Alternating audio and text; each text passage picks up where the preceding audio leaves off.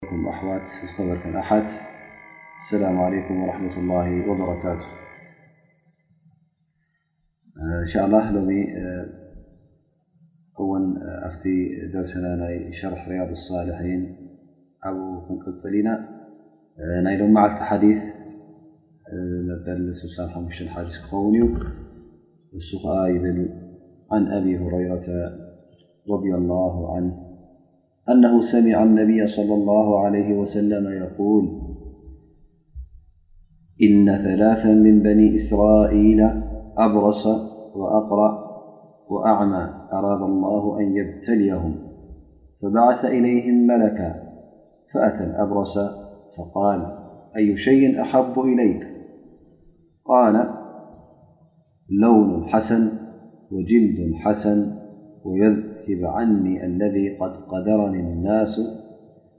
فمسحه فذهب عنه قذره وأعطي لولا حسنا قال فأي المال أحب إليه قال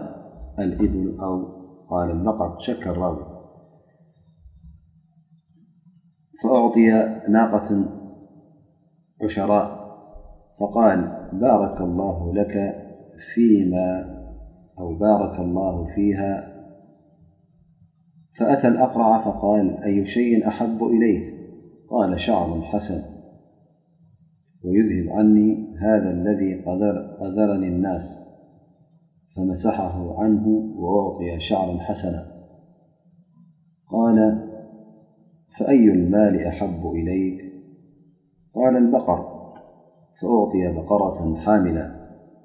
وقال بارك الله لك فيها فأتى الأعمى فقال أي شيء أحب إليك قال أن يرد الله إلي بصري فأبصر الناس فمسحه فرد الله إليه بصر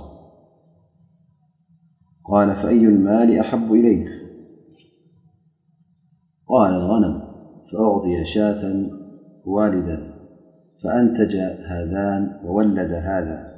فكان لهذا واد من الإبل ولهذا واد من البقر ولهذا واد من الغنم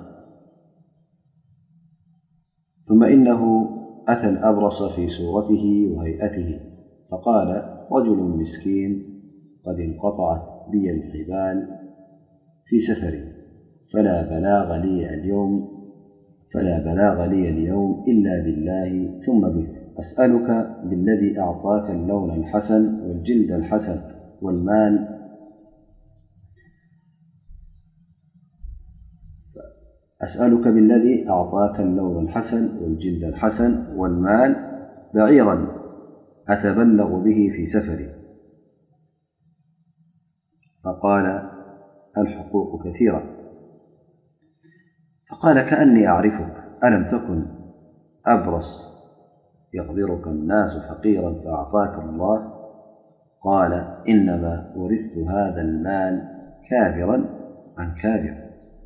فقال إن كنت كاذبا فصيرك الله إلى ما كنت وأتى الأقرع في سورته وهيئته فقال له مثلما قال لهذا ورد عليه مثلما رد هذا فقال إن كنت كاذبا فصيرك الله إلى ما كنت وأتى الأعمى في صورته وهيئته فقال رجل مسكين وابن سبيل انقطعت بي الحبال في سفره فلا بلاغ لي اليوم إلا بالله ثم بك أسألك بالذي رد عليك بصرك شاةا أتبلغ بها في سفره فقال قد كنت أعمى فرد الله إلي بصري فخذ ما شئت ودع ما شئت فوالله ما أجهدك اليوم بشيء أخذته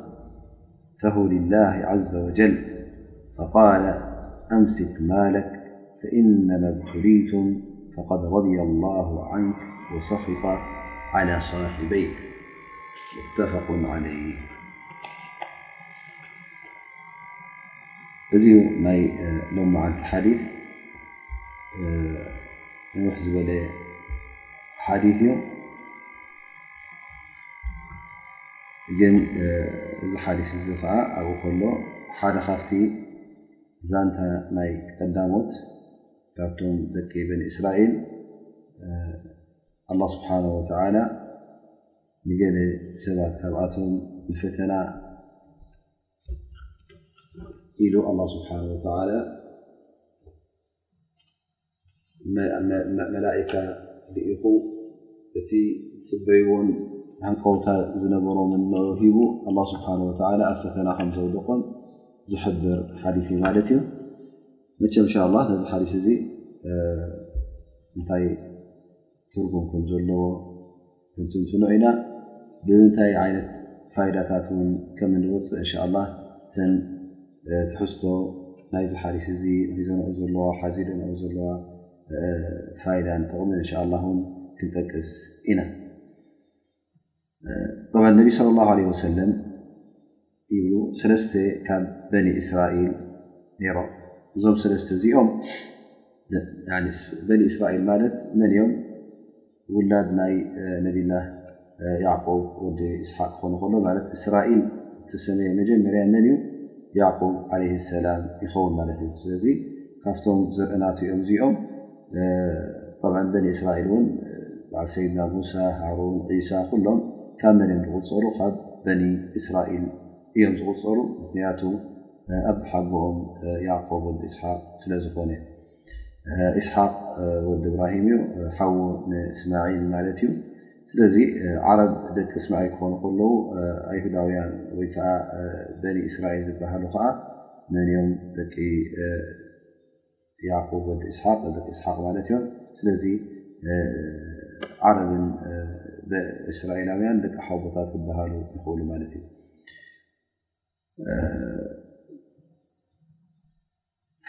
ካብቲ ዛንታ ናይ በኒ እስራኤል ነቢ صለ ላه ለ ወሰለም ዝጠቅሱና ኣለዉ ማለት እዩ ዛንታ ናይ በኒ እስራኤል ሰለስተ ዓይነት እዩ ሓደ ኣብቲ ቁርን ዝመፀ ክኸውን ከሎ ካልኣይ ከዓ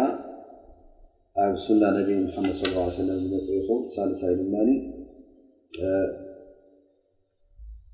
ኣብቲ መጻሕፍቲ ናይቶም በኒ እስራኤል በቶም ምሁራቶም በቶም ሊቃውንቶም በቶም ፍሉጥ ፈላጣት ናቶም ዝተመሓላለፈ ይኸውን ማለት እዩ። እቲ ብቁርን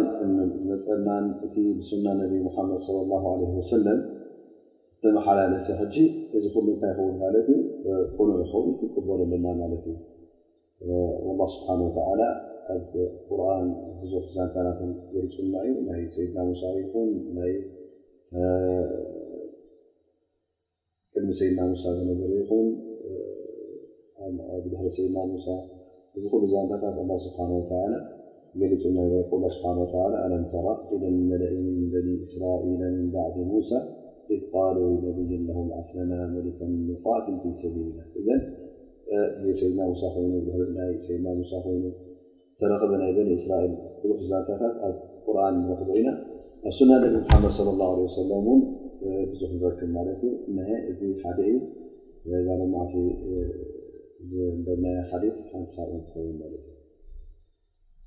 ስለዚ እቲ ኣብ ቁርኣን ንረኽቦን ኣብቲ ቅኑዕ ሱና ቅኑዕ መገዲ እተመሓላለፈ ብሱና ነቢ ሰለላሁ ዓለይሂ ወሰለም እውን እዚ እንታይ ይኸውን ቅኑዕ እዩ ከም ምዃኑ ንቕበሎ ማለት እዩ። እቲ በቶም ሊቃውንቶም ኣብቲ መጽሓፍቶም በቶም ሊቃውንቶም ተዘንተወ ወይ ከዓ ኣብቲ መጽሓፍቶም ንረኽቦኸ እዚ ከዓ ንገዛእ ርእሱ ኣብ ሰለስተ ክምቀል ይኽእል። ምኽንያቱ ክንቅበሎ እንተደኣ ኮይና ማለት እዩ። እቲ ቀዳማይ እንተደኣ ኣብቲ ሸርዕና ነቲ ብኦም ዝሰማዕናዮ ዝቃወም ኣንጻሩ እንተደኣ ዝገልጽ ኣሎ ኮይኑ እንታይ ይኸውን ማለት እዩ ሕጂ እዚ ነዚ ፈጺምና ኣይንቕበሎን ኢና። ከም ዝኣመሰለ ዛንታታት እውን ኣብ ታሪኽ ንረኽቦ ንኽእል ኢና። ወላ እውን። ኣብ ገለ ገለ እቶም ዑለማእ ናይ ተፍሲር ውን ነቲ ዛንታ ናቶም ዝጠቐሱ ኣለዉ። እንተ ሕጂ ምስቲ ቁርን ምስቲ ሱና ነቢ ሙሓመድ ስ ሰለም ዝገራጠ እንተ ኮይኑ እዚ ሕጂ ኣይንቕበሎን ኢና ምክንያቱ እቲ ቁርን ሱናን ስለ ዝነፀጎ። ካልኣይ ከዓ ኣብ ቁርን። ከምኡውን ኣብ ሱና ነቢ ሙሓመድ ስ ሰለም ንኡ ዝረጋግፅ እንተ ረኺብና እዚ ሕጂ እውን ቅኑዕ ከም ምኳኑ ንኣምን ንቕበሎ ማለት እዩ ብዘይገድስ ሶም ኢሎ እሞ ኣይብሎ ምክንያቱ ሶም እተ ኢሎም ኮይኖም እቶም ሊቃውንቲ ናቶም ኣብ መፅራሕፍቶም ዘስፈሮ እተ ኮይኖም ምክንያቱ ኣብ ቁርንን ኣብ ሱና ንሕና ስለ ዘረከብናዮ ቀዳምነት ንወሂብና ስለዚ ን ቅኑዕ ኢልና ውን ክንቅበሎ ንኽእል ሳልሳይ ከኣ ኣብ ቁርኣን ይኹን ኣብ ሱና ነቢ ኣብ ሽርዕና ማለት እዩ ነቲ ዝበልዎ ዘጽድቕን ንዑ ዝቃወምን እንተደኣ ዘይረኸብና ሽዑ እንታይ ንኸውን ማለት እዩ ነዚ ዝብልዎ ዘለዉ ኣይንቕበሎ ኣይንነጽጎ ደው ንብል ማለት እዩ ማለት ውሳኔ ኣይንህበሉን ኢና። ምኽንያቱ ቕኑዕ ኢልና እተ ተቐቢልናዮ ምናልባሽ ክኸውን ኣይክእልን እዩ ምክንያቱ ብዙሕ ዛንታታት ኣሎ ዘይቅኑዕ ዛንታት ዝፀንሐ ምስኦም ማለት እዩ እንተ ቅኑዕ ኣይኮነን ኢሉ ካ ከዓ እዚ እውን ሽግር እዩ ብዘይገለ መሰረት ብዘይገለ መርትዖ ኣይቅኑዕን ክትብል ከለካ ምናልባሽ ቅኑዕ ክኸውን ይኽእል እዩ ስለዚ ሕጂ ነዚ ክትነጽጎ የብልካን ሓቂ ኢልካ ድማ ፍጹም ክትቅበሎ የብልካ ግን እንታይ ትገብር ማለት እዩ እንተ ፋይዳ ኣለዎ ኮይኑ ዒብራ ኣለዎ ኮይኑ እዚ ነገር እዚ ከምተጠቐሰ ከምተዘረበ እተ ተዛሪብካዮ እንሻ ላ ኣበሪሁልና ኢኹም። እዚ ብሓፈሽኡ ነቲ ዛንታ ናይ በኒ እስራኤል ክጥቅስ እንከሎ ኣብ ቁርን ዝፀንሓና ናብ ሱና ዝፀንሓና ንሶም ዘመሓላለፈ ወረ እንታይ ዓይነት መርገፅ ክህልወና ከም ዘለዎ ዝሕብር ነጥቢ ይኸውን ማለት እዩ። እነቢ ስለ ላ ሰለም ኣብዚ ሓዲስ እዚ ሰለስተ ጠቂሶም ማለት እዩ። ሰለስተ ካብቶም በኒ እስራኤል ሰለስተ ሰባት ነይሮም ኣላ ስብሓን ወተዓላ እዞም ሰለስተ ሰብ ኣብ ፈተና ኣውደቅዎም ማለት እዩ ፈተና ናቶም እንታይ ነይሩ ኣብ ሰውነቶም ኣብ ኣካላቶም ጉድለት ዝነበሮም ሰባት እዮም ሓደ ናይ ቆርበት ሕማም ነይርዎ ማለት እዩ ኣብ ረስ ነይሩ በረስ ክበሃል ከሎ ቆርበትካ ሕብሪ ናይ ቆርበትካ ዘበላሽወልካ ጻዕዳ ጻዕዳ ዘውጽኣልካ ማለት እዩ እዚ ሕጂ ሓደ ኣብረስ ኔርዎ ማለት እዩ ካልኣይ ጸጉሪ ነበሮ ንፍጹም ኣብ ርእሱ ሳልሳይ ከዓ ዓይነ ስውር እዩ ነይሩ ማለት እዩ እውር ዓይነ ስውር ይርኢ ነበረ እዞም ሰለስተ ሰባት ሕጂ እዚ ጉደት እዚ ኣጓኒፍዎም ኣላ ስብሓን ወተዓላ እውን በዚ ኣጓኒፍዎም ዘሎ ጉደት መርሚርዎም ኣብ ፈተና ውድቕዎም ማለት እዩ ኣላ ስብሓን ወተላ ንባሮቱ ኩሉ ግዜ ይምርምሮም የፍትኖም እዩ እተ ብር ኮይኑ ብእከይ ኮይኑ ብኩሉ ኣላ ስብሓን ወተላ ይምርምሮም እዩ እቲ በዓል ትዕግስቲ ሰብሪ ዝገብር ድማ ኣብ መጨረሻ ኣላ ስብሓን ወተላ ንዝበዓል ሰብሪ ፃምኡ ይህቦ ማለት እዩ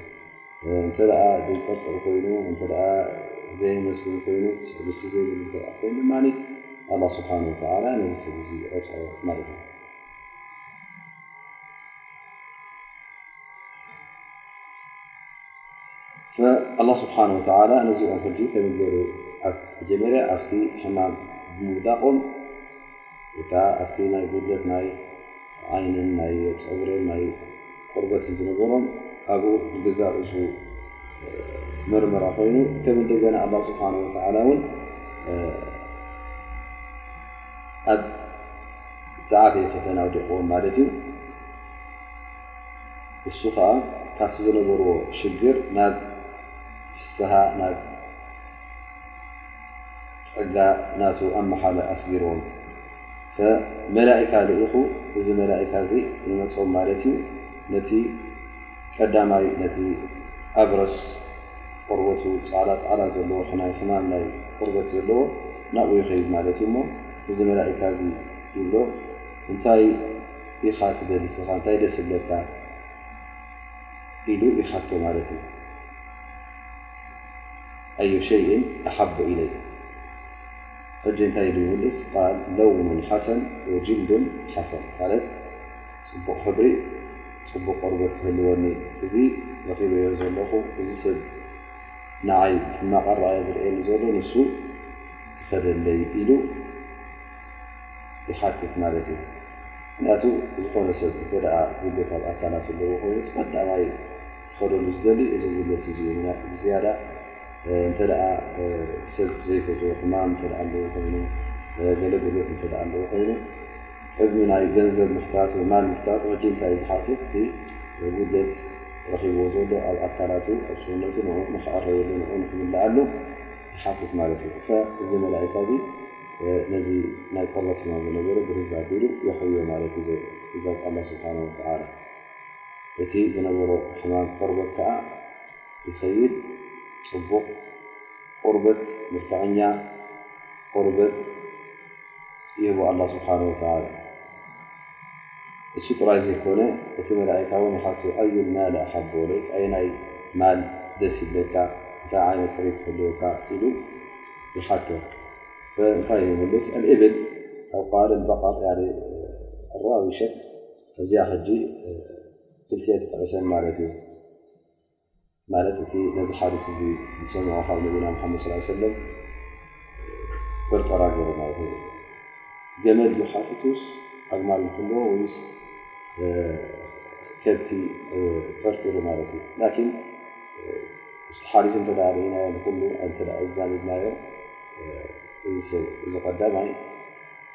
ኣግማል ይሓትቱ ማለት እዩ ምክንያቱ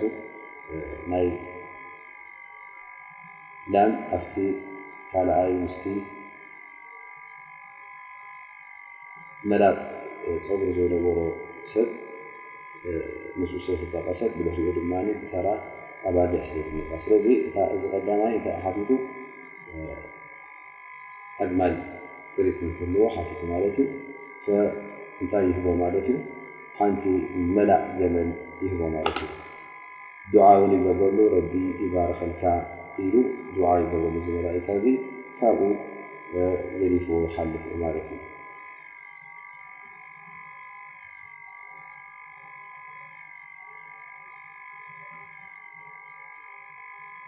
ስለዚ እቲ ዝነበሮ ሽግር ናይ ኣካላቱ ጥዕና ይረክብ ማለት እዩ ቆርበቱ ፅቡቅ ቆርበት መልክዐኛ ቆርበት ረኪቡ ድሕሪኡ እውን እቲ ድክነት ዝነብሮ ከዓ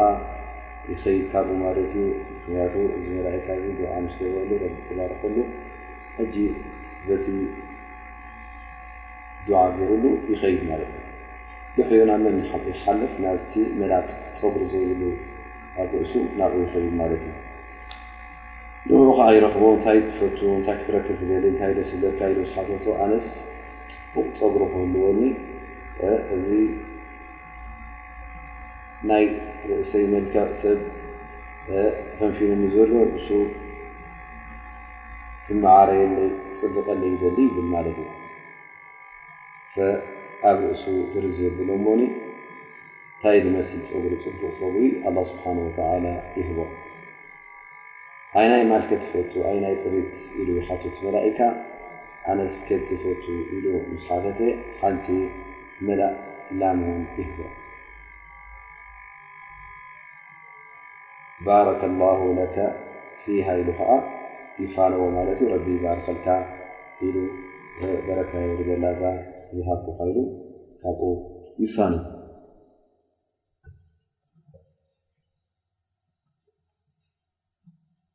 ብድሕሪኡ እዚ መላካ እዚ ናብ መን ይኸይድ ናብቲ ሳልሳይ እሱ ከዓ መን ዩ እቲ ዕውር ማለት እዩ እዚ ዕውር እዚ ምስ መፁ እዚ መላካ ውን እንታይ ትፈቱ ይብሎ ኣነስ ኣዒንተይ ክምለሰለይ ዓይነይ ክምለሰለይ እሞኒ ንሰብ ክርኢ ከም ሰበይ ኢሉ ይምልስ ማለት እዩ ሕጂ እንተ ርእና እዚ ዕዉር እዚ ክሓትት ከሎ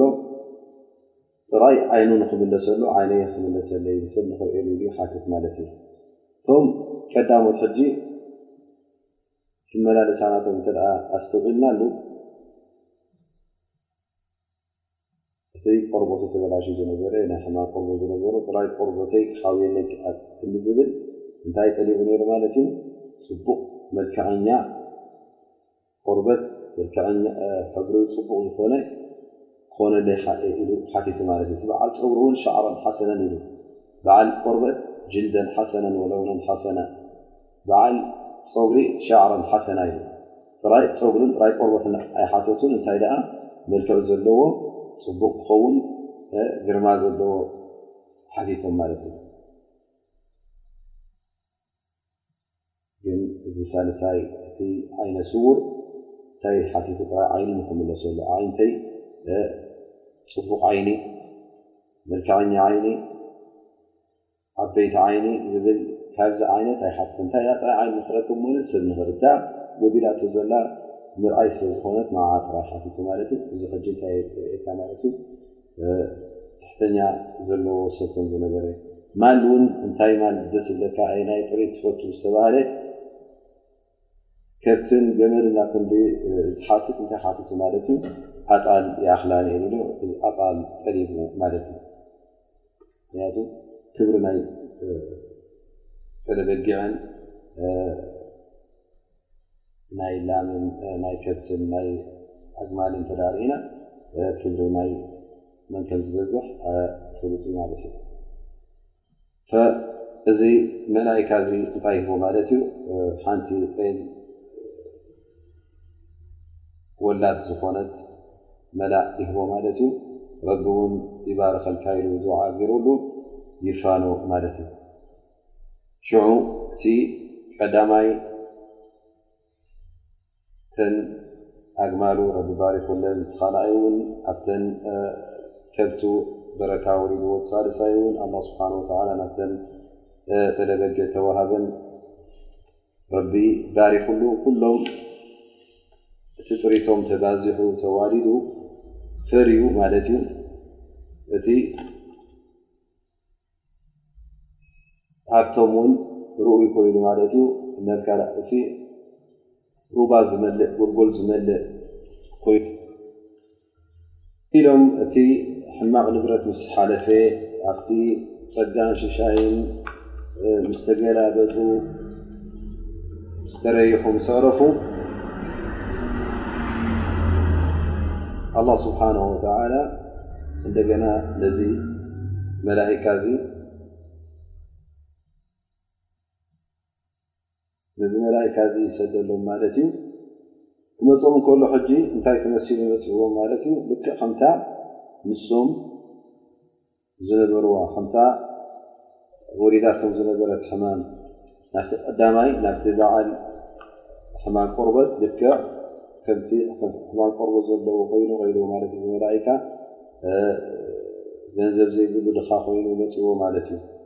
ኣብ ክዳውንቱ ይኹን ኣብ ከለ ኩሉ ከም ድኽነት ዘለዎ ተመሲሉ መፂ ማለት እዩ ሕጂ ናብኡ መፂ ይብሎ ኣነ ድኻ ሰብ ኣየ ድኻ ሰብ ሓላፍ መንገዲ ገያሻይ እሞ ዘለኒ የብለይን ሕጂ ኩሉ ኩነታተይ እንተ ክገልጸልካ ኮይነ ኩሉ ተበቲኹኒ እዩ ዘሎ ተቆሪጹኒ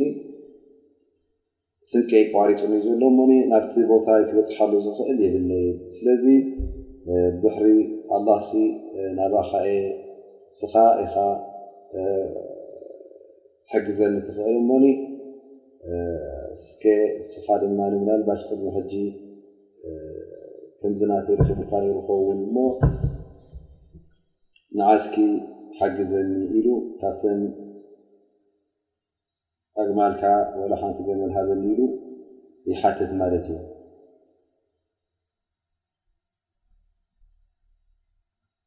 ሓቶ ከሎ ውን እንታይ ኢሉ ይሓቶ ኣነ በቲ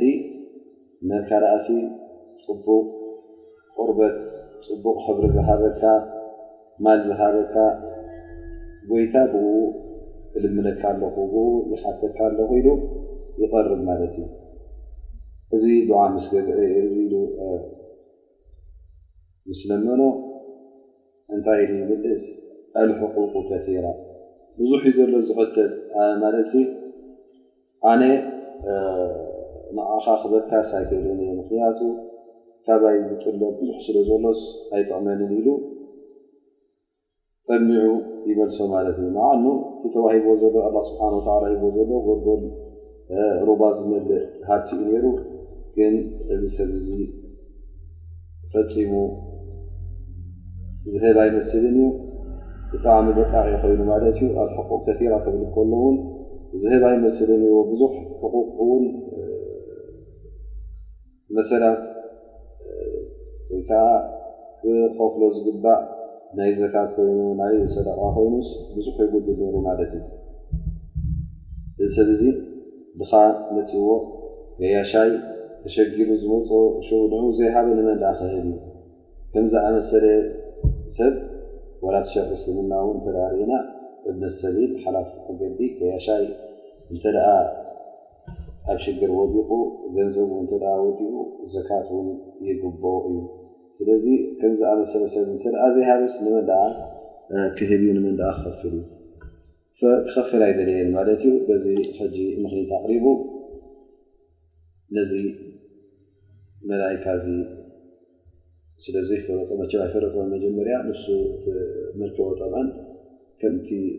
ከም ሕሙም ሰብ ከምቲ ንሱ ዝነበሮ ኮይኑ እዩ መፅዎ ማለት እዩ ሕጂ እንታይ ይብሎ እዚ መላይካ እዚ ኣነስ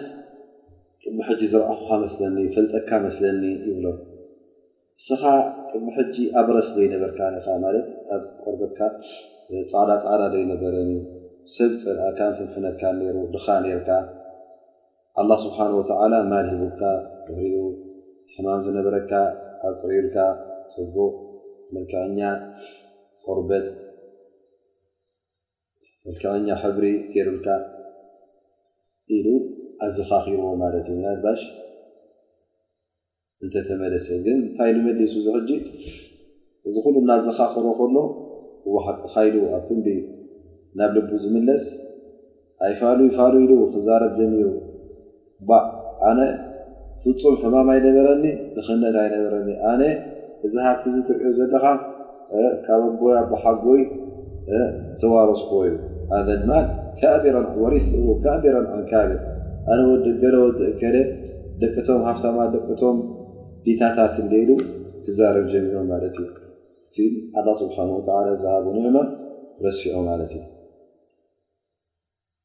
እዋን ወዲ ሰብ ድማ ብዙሕ ግዜ እዛ ነገር እዚኣ ወይ ብኣፉ ክብላ ትሰምዓ ብኣፉ ተዘይበላ ውን ብግብሩ ክገብራ ወይ ከዓ ኣብቲ ተግባራት ውን ክትሪኣ ትኽእል ኢኻ ማለት ዩ ኩሉ ግዜ በቲ ዝነበሮ ጉድለት ኣልሓምዲሊላህ ኣነስ ተመሓይሸ ኣነስ ናብ ኸይሪ ከይደ ረቢ ከፊቱለይ ረቢ ሂቡኒ ይብል እንታይ ደኣ ኩሉ ከምዚ ባዕሉ ዘምጽኦ ከምዚ ናቱ መስል ኮይኑ እሞኒ ብቅልጽሙን ብክእለቱን ዝኣከቦ እዩ ዝመስሎ።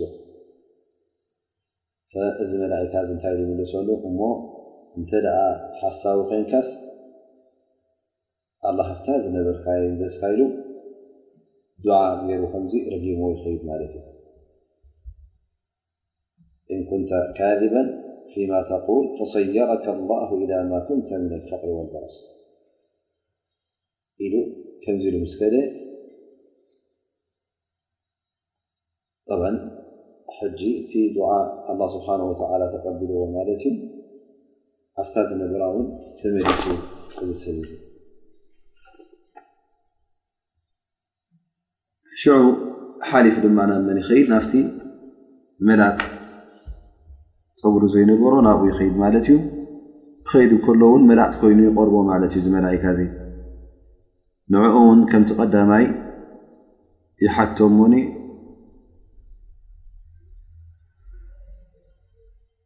እሱ ከዓ ልክዕ ከምታ እቲ ኣብርስ እቲ ቀዳማይ ዝመለሳ ገይሩ ውን እዚ ካልኣይ ልክዕ ከምኣ ይምልስ ማለት እዩ ከምኣ ኢሉ ምስ መለሰ ድማ እቲ መላካ ድማ እተ ሓሲኻ ኮይንካ ኣፍታ ዝነበርከያ ደኣ ጎይታ ኣላ ይምለስካ ኢሉ ዱዓ ገይሩ ይሓልፍ ማለት እዩ ሳልሳይ ትዕውር ከዓ ናብኡ ይኸይድ ማለት እዩ ናብቲ ሳልሳይ ሽዑ ነዚ ዕውር እዚ እውን የዘኻኽሮ ማለት እዩ በቲ ኣላ ስብሓን ወተዓላ ዝሃቦ ኒዕማ ስዉን ይብሎ ኣነ ንዓ ንስኻ ኣነውን ገያሻ እየ ኢሉ ማለት ይሓትት ማለት እዩ ከምቲ ልክዕ ቅድሚ ሕድነቶም ካልኦት ዝሓተተ ኣነ መስኪን ሰብ እየ ገያሻይ ስንቀይ ወዲኤ ዝሕግዘኒ የብለይን እሞ ሕጂ ድሕሪ ኣላ ንስኻ ኢኻ ትኾነኒ እሞ እስከ ሓግዘኒ ኢኻ እሞኒ ካብዘን ኣባጊዕካ ካብዘን ጥሪትካ እዚአን ሓንቲ ሃበኒ ኢሉ ይሓቶ ማለት እዩ። ክሓቱ ከለዉ ውን በቲ ኣላህ ስብሓን ወተዓላ ዓይኒ ዝሃበካ ዓይኒኻ ዝመለሰልካ ኢሉ ይሓቶ ማለት እዩ ሕጂ እዚ ዕውር እዚ እንታይ ኢሉ ይምልስ ከምቶም ቀዳሞት ከምቶም ክልተ ገይሩ ይመለሰን እንታይ ደኣ መልስናቱ እንታይ ነይሩ ማለት እዩ እዎ ሓቅኻ ኣነ ዕውር ነረ ዓይነ ስውር ነረ ዕውር ነረ ኣላ ስብሓን ወተዓላ ዓይነይ መሊሱለይ ንስኻ ድማ ሽግር ኣለካ ኣብ ሽግር ዲኻ ወዲቕካ ዘለኻ ከማኻ ሰብሲ ክወሃብ ዩ ዝግብኦ እሞ ንስኻ ድላይካ ውሰድ ይብሎ ድላይካ ግደፍ ዘናባጊዕ እናሃዋልካ ዘንጥሪተይ ኹዝ ማ ሽእተ ወዳዕ ማ ሽእት ካብአን ደላይካ ውሰድ ደላይካ ኸዓ ግደፍ ማለት ሓሪኻ መሪፅካ ውሰድ ኢኻ ኣነ ፈፂመ እዚኣ ኣይትውሰድ እዚአን ብዙሓት እዚአን ከምዚኣ ኢለ ኣይዛረበካን እየ ፈፂመ ኣይክልክለካን እየ ፈፂመ እውን ኣየሸግረካን እየ እናተባሃልካ ድላይካ ውሰድ ይብሎ ማለት እዩ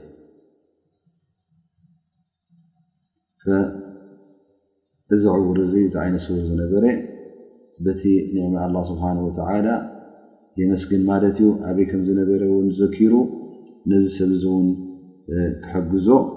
ድል ኮይኑ ድላይ ካብ ውሰድ ኢሉ እውን ባዕሉ ከይመረፀ ባዕልኻ ውሰድ ባዕልኻ ምረፅ ይብሎ ማለት እዩ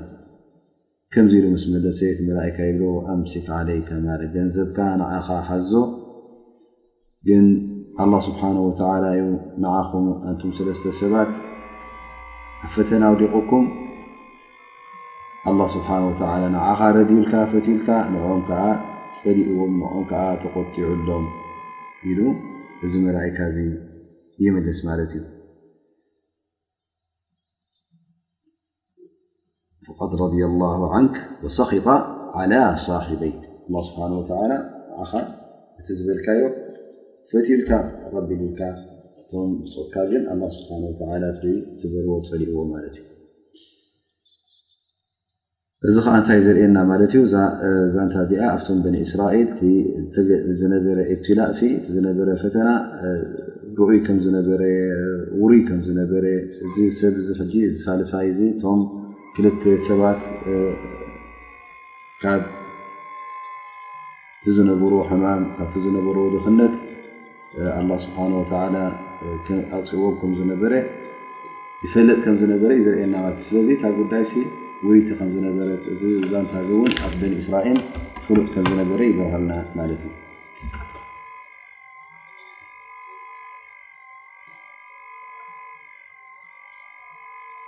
ሕጂ ኣላ ስብሓን ወተላ ነዚ ሳልሳይ እዚ እንታይ ገይሩሉ ማለት እዩ እቲ በረካ ዘሎን እቲ ጥዕና ተዋህቦን ኣላ ስብሓን ወተላ ነዚ ዘመስገነ ሰብ ከም ዘትረፈሉ እቶም ካልኦት ቶም ቀዳሞቶም ክልተ ግን ኣላ ስብሓን ወተዓላ ትሂቦም ዝነበረ ሽሻይን ትሂቦም ዝነበረ ጥዕናን ከም ዝመንዝዖም ንርኢ ማለት እዩ እዚ ሕጂ እንታይ ዘርእየና እንተ ደኣ ኣላ ስብሓን ወተዓላ ዝሃበካ ንዕማን ሽሻይን ተመስግን ኮይንካ ኣላ ስብሓን ወተዓላ እቲ ንዕማን ሽሻይን ሳኻ ቆፅሎ ይበል ዕረ ክውስኸካ እዩ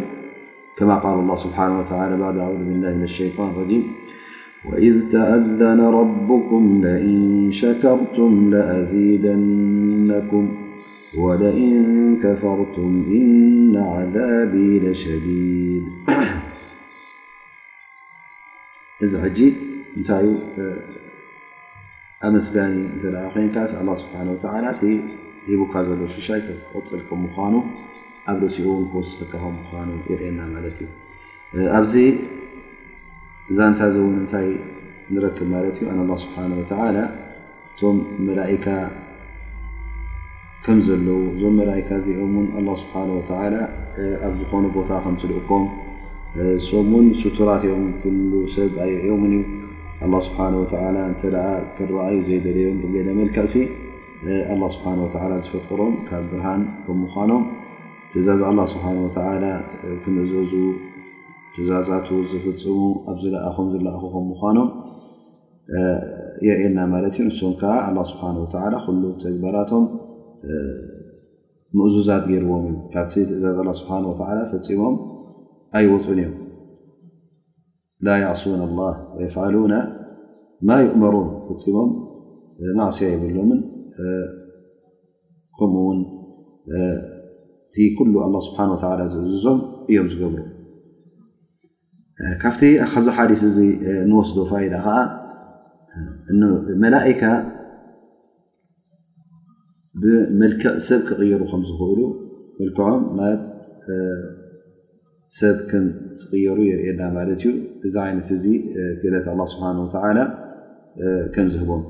ስለዚ እዚ መላእካ እዚ ናብቶም ሰለስተ ሰባት ክመፁ ከለዉ ሰለስተ መልክዕ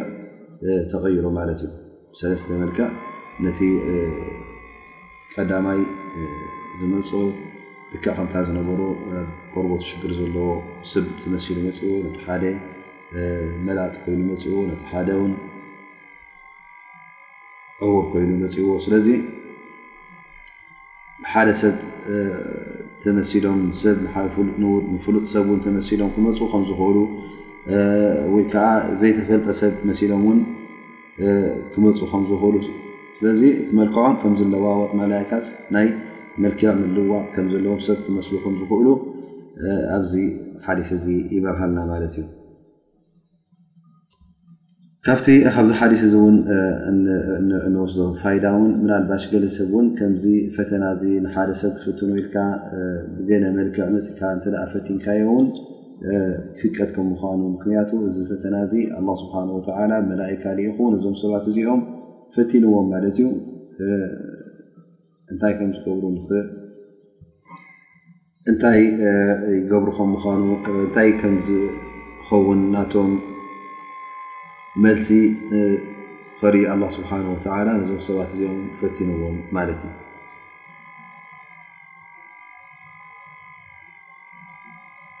ጠማ ካብቲ ኣብዚ ሓዲስ እዚ ንወስዶ እውን እቲ መላእካ ነቲ መላጥ ይኹን ነቲ ኣብረስ ይኹን ነቲ ዕውር ይኹን ሲ ረሕውዮም እንከሎ እቲ ዝነበሮም ሽግር ከም ዘነበሮም ሕማም ካብኡ ከገላግሎም እንከሎ ደሪዙ ድርዝ ኣቢሉ ከም ዘሕወዮም እዩ ዘርእየና ማለት እዩ መዓ ንላ ስብሓን ወተዓላ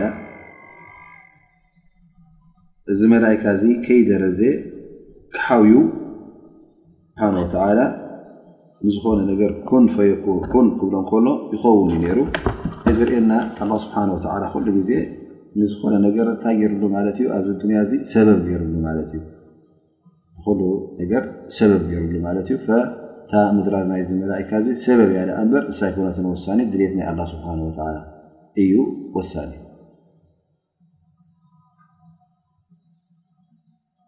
ካብቲ ንወስዶ ፋይዳታት ውን ኣላ ስብሓን ወተላ ንሰብ ካብ ንእሽተይ ነገር ጀሚሩ እቲ ሃብቲናቱ ማእለያ ዘይብሉ ክገብረሉ በረካ ክነዝሓሉ ኣላ ስብሓን ወላ ከም ዝኽእል ካብ ንእሽተይ ነገር ጀሚራስ እቲ ሃብቲ እንተ ኣላ ስብሓን ወላ ክባዛሕ ደሪቦስ ክባዛሕ ከም ዝኽእል መልካ እዞም ሰለስተ ሰባት ሕጂ እቲ እተዋህብዎ ሃብቲ መጀመርያ ክዋሃብ ከሎ ሓንቲ ሓንቲ ጥራይ እዮም ተዋሂቦም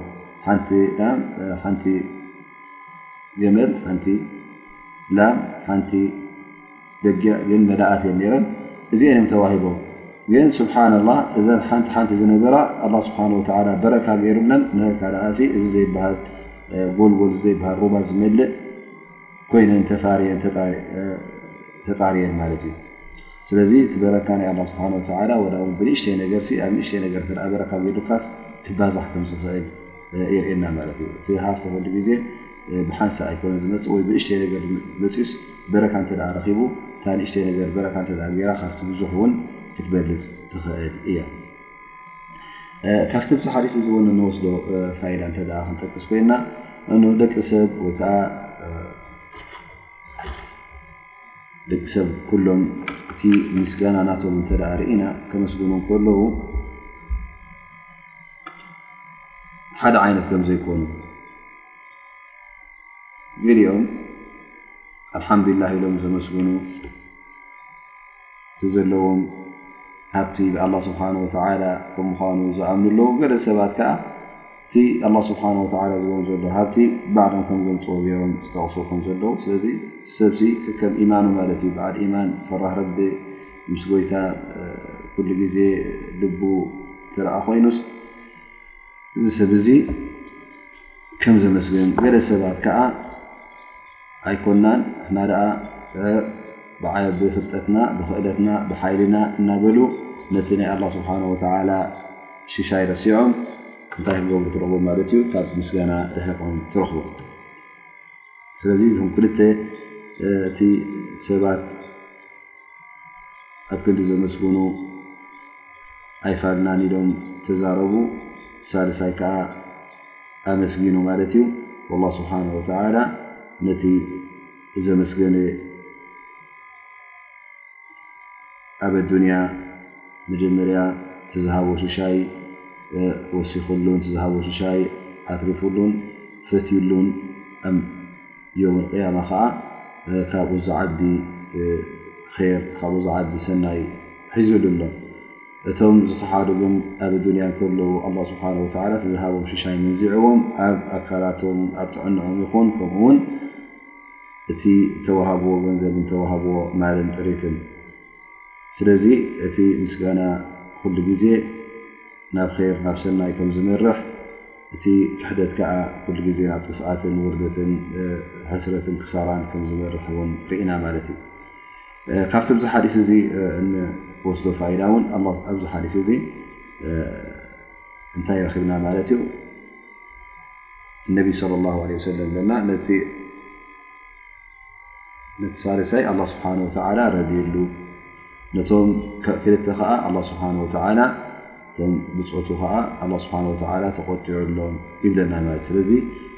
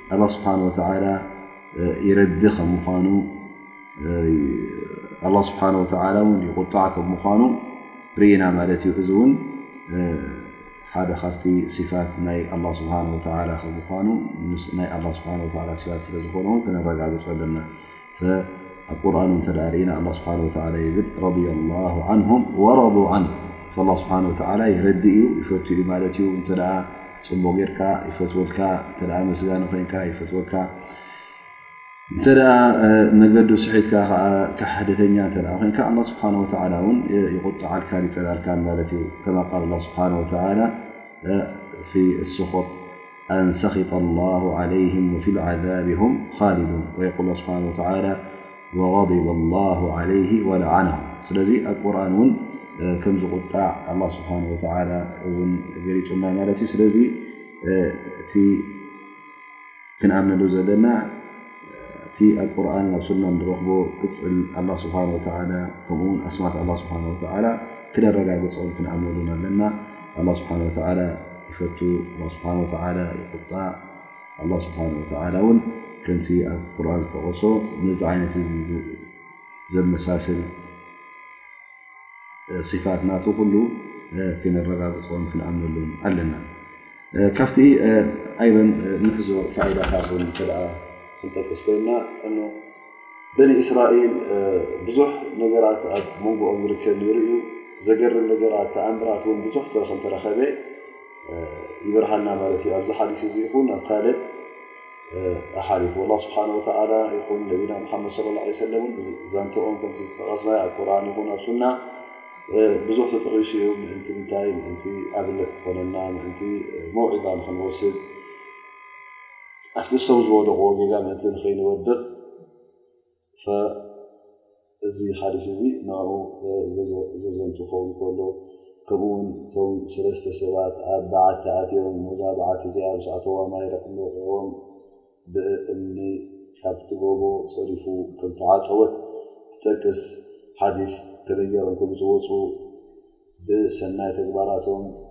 ዱዓ ገይሮም ኣላህ ስብሓን ወተዓላ ካብቲ ዝነበሮ ሽግር ናፃ ከምዝበሎም እተርኢ ሓዲት እውን ኣላ እዛ ሓዲት እዚኣ ውን ነቢ ስ ሰለም ጠቂሶማ ንምንታይ ዕብራ ንክኾነና ኣብነት ንክኾነና ማለት እዩ ስለዚ ብዙሕ ዛንታ ናይ በኒ እስራኤል ኣሎ ኣብ ቁርን ይኹን ተጠቐሰ ኣብ ሱና ነቢ ኩሉ እንታይ እዩ እቲ ናይዚ ዛንታ እዚ ምጥቃሱ ብልሓቱስ ምእንቲ ንሕና ክንጥቀም ትምህርቲ ንክኾነና ኣብቲ ዝወደቑ ጌጋ ንኸይንወድቕ ኣብነት ንክኾነና እዩ ማለት እዩ ስለዚ ሽቐይካ ትዛንታ ንዛንታ ጥራይ ምውራይ ኣይኮነን እንታይ ደኣ ፋይዳን ጥቕመትን ንምርካብ እዩ بزيلوما علت درسنا دند نسأل الله سبحانه وتعالى أن ينفعنا بما سمعنا وأن يعلمنا ما ينفعنا ويزيدنا علما وصلى الله على نبينا محمد وعلى آله وصحبه وسلم أجمعين